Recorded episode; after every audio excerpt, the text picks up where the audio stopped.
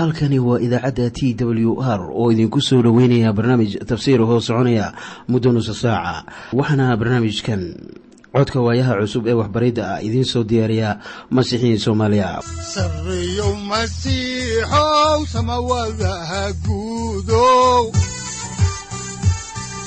Siraadkii adduunkow subanaha eebow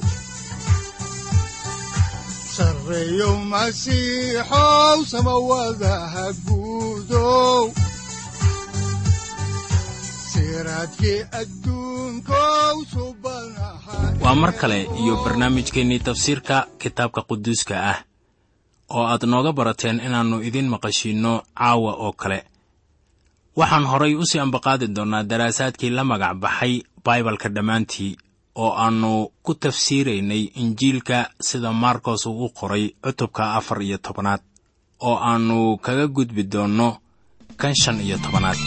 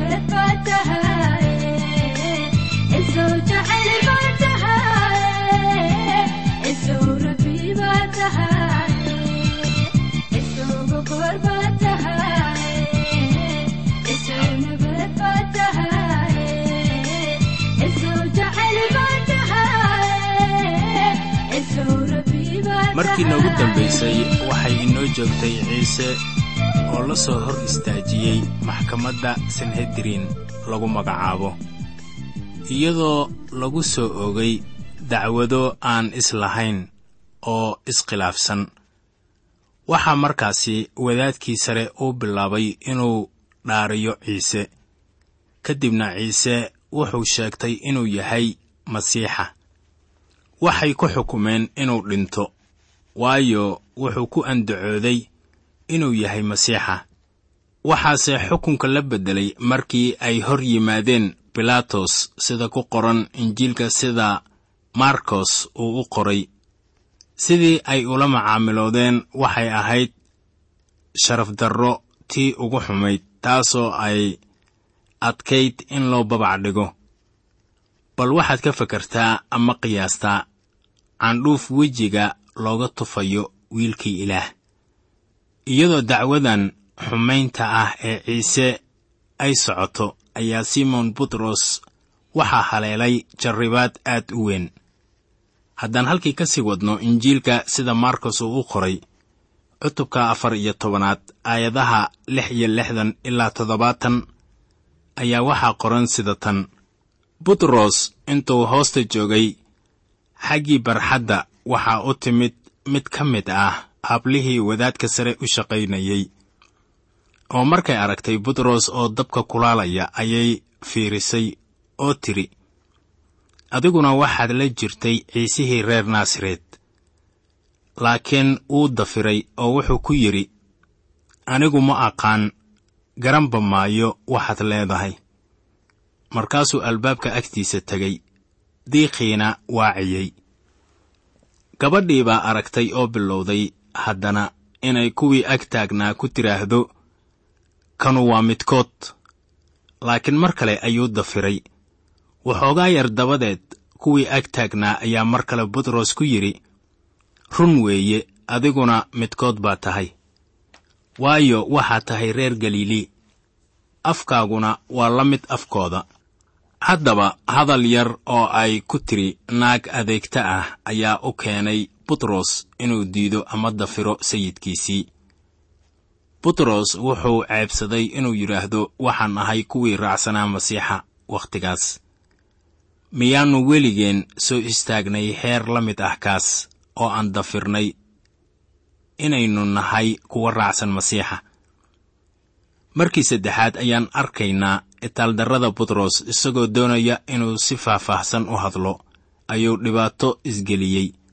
Haddaan halkii ka sii wadno injiilka sida markos uu u qoray cutubka afar iyo tobanaad aayadaha toddobaatan iyo kow ilaa toddobaatan iyo labo waxaa qoran sida tan.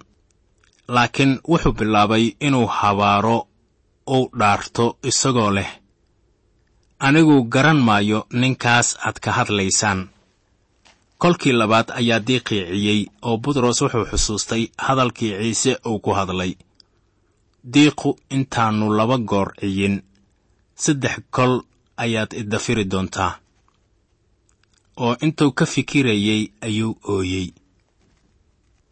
Ninkan ma uusan garanaynin itaaldarradiisa simon butros wuxuu jeclaa ciise oo si daacadnimo ah ayuu u hadlay markii uu lahaa anigu kaa tegi maayo laakiin isaga isma uusan garanaynin. Welibana ma uusan imaanin soo ma uusan gaarin halka jidhkiisu uusan wax wanaag ah lahayn. Haddaba butros wuxuu ka toobadkeeni karaa dembiyadiisa. Taasuna waa tijaabada rumaystayaasha dhabta ah. Sannado kadib ayuu butros ku qoray warqaddiisii koowaad cutubka koowaad aayadda shanaad sida tan idinku waxaad tihiin kuwa xoogga ilaah iyo rumaysadka lagu dhowro ilaa badbaadada diyaarka u ah in wakhtiga ugu dambaysta la muujiyo. Butros wuxuu garanayay in sayidku uu dhowray. Waxaan cutubkan ku soo xiraynaa ciise oo ku jira gacanta cadowgiisa oo xertiisiina way kala firdheen. Mid baa gacan geliyey midna wuu dafiray markaana xertaa waxay u ahayd habeenkii dembiga. Haatan waxaannu si toos ah u abbaaraynaa cutubka shan iyo tobanaad. Waxaannu haatan soo gaarnay dersiga ku saabsan qodbiddii masiixa. Waxaan garanayaa in qorniin kastaa uu ku ahaaday ruuxa ilaah oo waxtar buu u leeyahay waxbaridda. Markaana qidcadan ka hadlaysa dhimashada iyo sarakicidda masiixa waxay leedahay micno qaas inoo ah maanta. Waxaannu cutubkii afar iyo tobanaad ku soo gebagabaynay ciise oo ku jira gacmaha cadowga. Kuwiisii way kala yaaceen waa xertiisiiye mid wuu gacan geliyey mid kalena wuu inkiray inuu xitaa garanayo.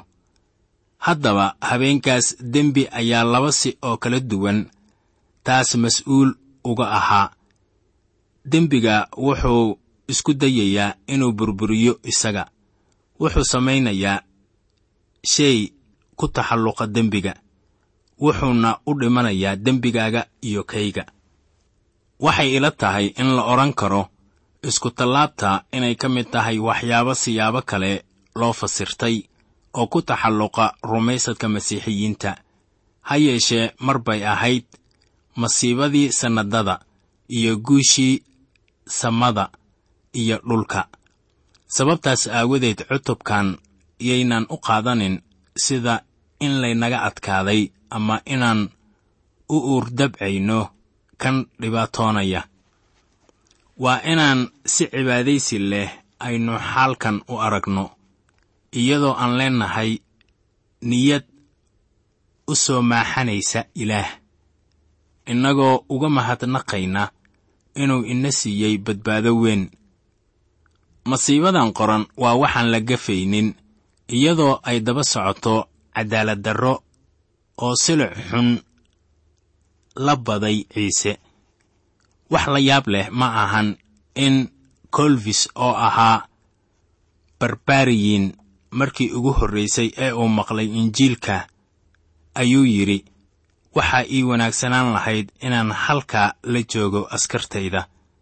Isagoo uga gol leh waan soo furan lahaa laakiin xusuuso ma ahan inuu doonayo hadalladeenna dabacsan wiilka ilaah. Waxaase uu doonayaa rumaysadkeenna. Rumayso sayid ciise waxaa ku qoran warqaddii rasuul bawlos uu u qoray dadka rooma cutubka tobanaad aayadaha sagaal ilaa toban sida tan. Maxaa yeelay haddaad afka ka qiratid in ciise uu yahay rabbiga oo aad qalbiga ka rumaysatid in ilaah isaga uu ka sara kiciyey kuwii dhintay waad badbaadi doontaa waayo qalbiga wax baa laga rumaystaa xagga xaqnimada. Afkana wax baa laga qirtaa xagga badbaadinta wuxuu inaga doonayaa inaan qalbiga ka rumaysanno mase ahaan inaan niyadda uga muujinno inaan ka xumaannay wixii lagu sameeyey. Haddaba markos waa injiilka ficilka ah. Cutubkan shan iyo tobanaad wuxuu horseedayaa dabeecadda ficilka ah. Qodbidda waa arrin isa soo taraya oo ku arooraya ama biyo shubanaysa ficilkan waa qodbidda tan danta ilaah iyo abuuristuba ay ku nagaanayaan ilaa iyo abaddan waayo isagu waa baraarkii la gowracay ee la ballanqaaday aasaaskii dunida. Injiilka haatan si ficil ah ayaa loo tarjumay. Bawlos wuxuu dabeeto odhanayaa sida ku qoran warqaddii koowaad ee uu dadka korintos u qoray cutubka shan iyo tobanaad aayadaha saddex ilaa afar. Sida tan waayo markii ugu horraysay waxaan idiin dhiibay. Waxaan aniguba helay oo waxa weeye masiixu wuxuu u dhintay dembiyadeenna sida qorniinku leeyahay. Waa la aasay isaga oo maalintii saddexaad ayaa la sara kiciyey sida qorniinku leeyahay. Soo arki maysid injiilka waa waxa uu isagu sameeyey mase ahan wax ilaah uu ku weyddiisanayo inaad samayso injiilku waa ficilkii ciise mase ahan ficil adiga aad leedahay amase mid aniga aan leeyahay? Aniga iyo adigu jago ma lihin taasoo ilaah uu aqbalayo. Xaqnimadaada iyo tayda ayaa lagu helaynin badbaado. Ilaah waa inuu keenaa xaqnimada masiixa. Waayo waxaa ku qoran warqaddii reer rooma cutubka afaraad aayadda shan iyo labaatanaad sida tan. Kii loo bixiyey xadgudubkeenna aawadiis oo loo sara kiciyey inuu xaq inaga dhigo. Haatan waxaan halkan idinku siinayaa waxyaabaha uu ka kooban yahay cutubkan shan iyo tobanaad. Kow ciise oo la horgeeyey bilaatos labo ciise oo la eedeeyey. Iyo sii dayntii barrabas oo la sii daayey saddex ciise oo taaj looga sameeyey qodxan sida ku qoran cutubka shan iyo tobanaad aayadaha lix iyo toban ilaa saddex iyo labaatan. Afar ciise oo la qodbay sida ku qoran cutubka shan iyo tobanaad aayadaha afar iyo labaatan ilaa kow iyo afartan. Shan iyo ciise oo uu aasayo yuusufkii reer arimitaya haddaan idin bilowno injiilka sida markos uu u qoray cutubkiisa shan iyo tobanaad ayaa waxaa ku qoran aayadda koowaad sida tan. Aroortii kolkiiba wadaadadii sare waxay la wada hadleen waayeelladii iyo culimmadii iyo shirkii oo dhan. Ciisena way xidheen oo kaxeeyeen oo waxay u dhiibeen bilaatos sababta ay sidan u yeelayaan waxa weeye iyadoo toddobaatanka oday ee reer banu israa'iil ay goosan karaan dilka. Laakiin iyagu ma fulin karaan amase ma meelmarin karaan xukunka dilka ah. Markaana waxay ahayd in ururkanu codsi uu u dirsado maxkamadda reer rooma si dilka loo meelmariyo kaasoo iyagu ay go'aamiyeen. Haatan eedda ay ku soo oogeen toddobaatankii waayeel ee reer banu israa'iil. Waxa uu aqbali karo ma ahan bilaatos markaasay subaxdii hore shireen ka hor intaanay u qaadin maxkamadda. Waxaanay doonayaan inay sharci ka dhigaan wixii ay sameeyeen habeenkii hore. Soo arki maysid bilaatos wuxuu ahaa barasaabka reer rooma u fadhiya yeruusaalem wakhtigaas xaruntiisuna waxay ahayd kaysariya. Waayo halkaas ayuu jeclaa. Kaysariya waxay ku taallay xeebta badda oo waxay lahayd cimilo wanaagsan. Ma jecleen yeruusaalem wuxuuse yeruusaalem imaan jiray wakhtiyada ciidaha si halkaa uu dadka uga istaajiyo mudaharaadyada dowladda rooma ma ayan oggolaan jirin mudaaharaad iyo socodka dheer ee laysugu imaanayo iyo wixii la mid ah. Taasaana keentay in dowladdii rooma ay jirto ilaa iyo kun sannadood oo waxay ahayd embaradoriyadda keliya ee ka jirtay dunida. Waxaan u malaynayaa in qaramada maanta jira ay taa ka shidaal qaataan. Bilaatos wuxuu ahaa siyaasi inuu arrinka isaga u ron yeelo ayaa kaga wanaagsanayd inuu hirgeliyo sharciga reer rooma u degsan. Taasuuna jeclaa. Wuxuu sida daacadda ah doonayey inuu sii daayo ciise masiix.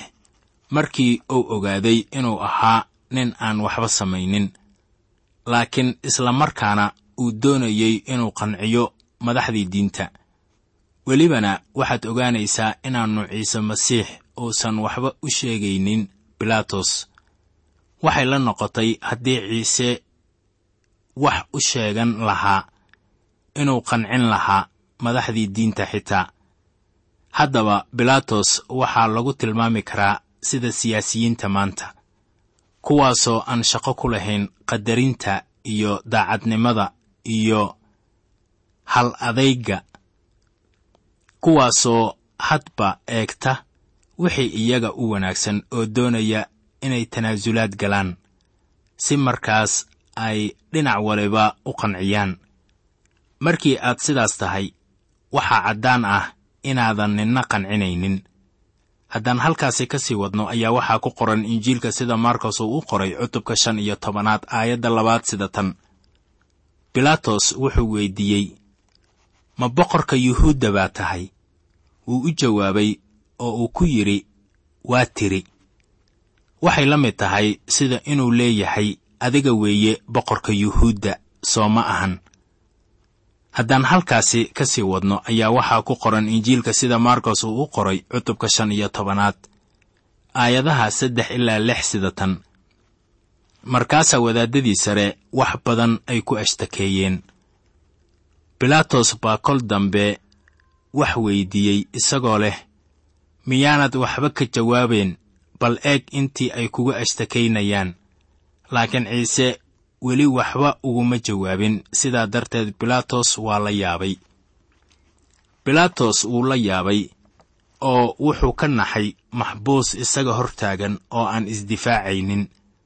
Waxaan u malaynayaa in maxbuusyada kale ay si weyn isku difaaci lahaayeen laakiin maxbuuskan wuxuu ahaa mid beddelan isma uusan difaacin oo wuxuu doonayaa inuu ogaado sababta. Haatan markii aynu tan barbar dhigno injiilka sida yooxanaa uu u qoray waxaan ogaanaynaa inay jirtay hadallo ay isku dhiibayeen bilaatos iyo madaxdii diinta iyadoo bilaatos uu doonayay inuu ciise sii daayo. Gudaha ayuu soo geliyey si uu ula hadlo markaasuu soo baxay oo haddana mar kale ayuu watay isagoo doonaya inuu jawaab ka bixiyo waxa lagu soo oogay. Laakiin bilaatos wuxuu arkay inay ahayd inuu lugihiisa ku istaago oo uu gaaro go'aan u cuntamaya ciise masiix.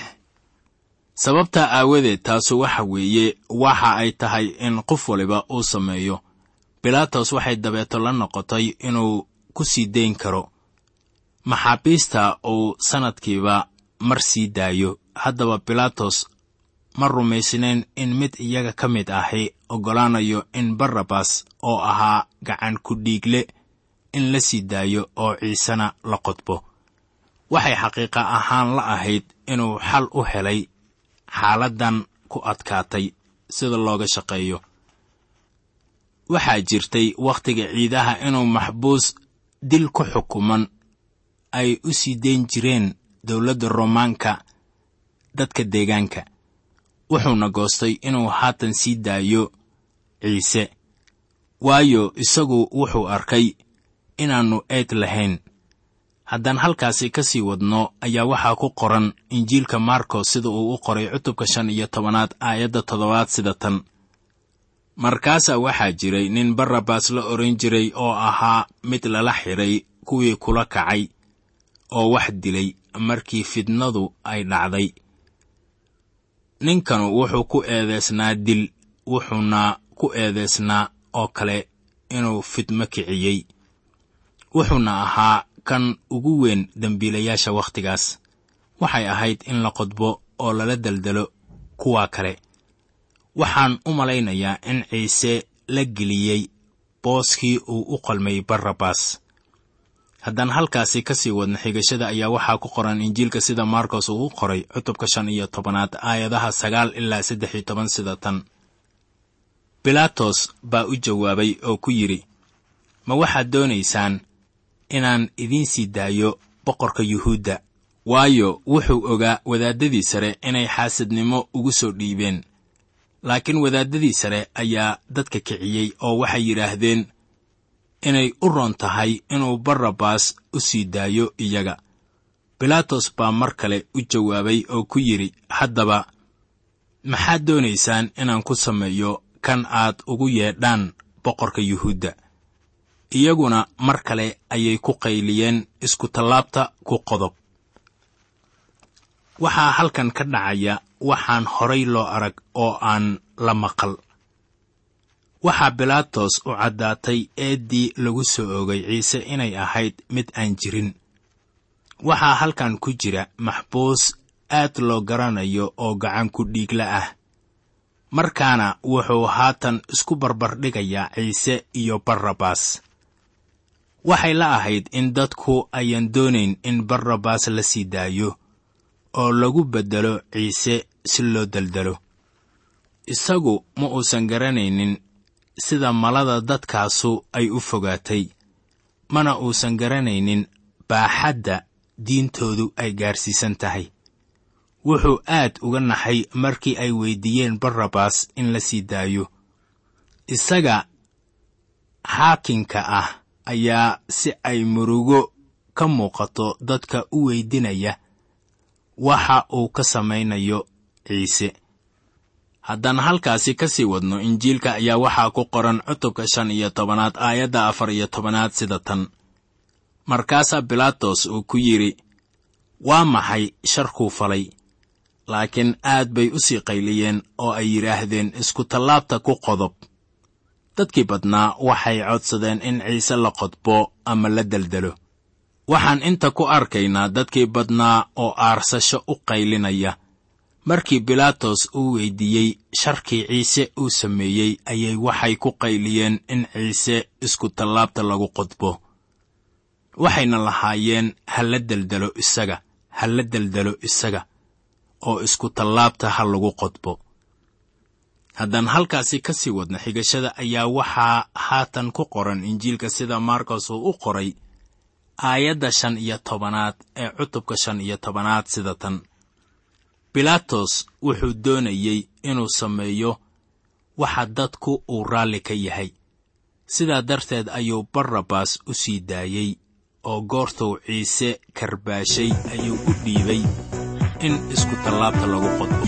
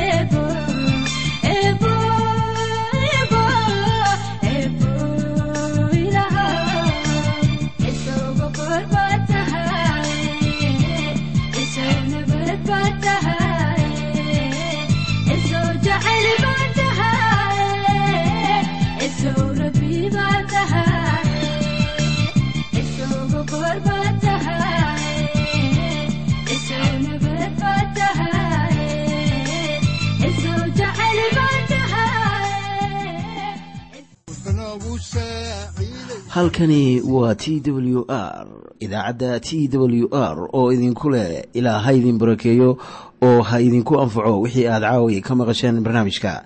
Waxaa barnaamijkan oo kalaa aad ka maqli doontaan habeen dambe.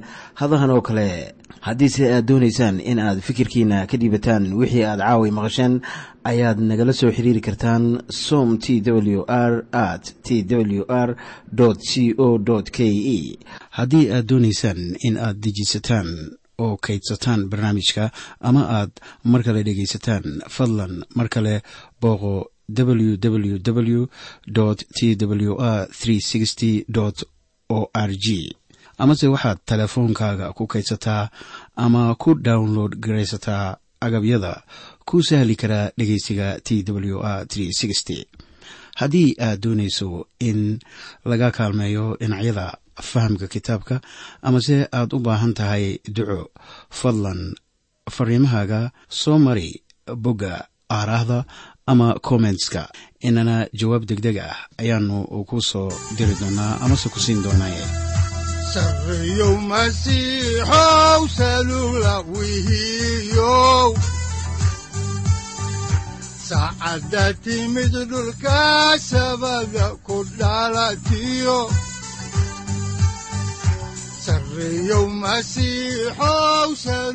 halkani waa t w r oo idiin rajaynaya habeen baraare iyo barwaaqaba leh.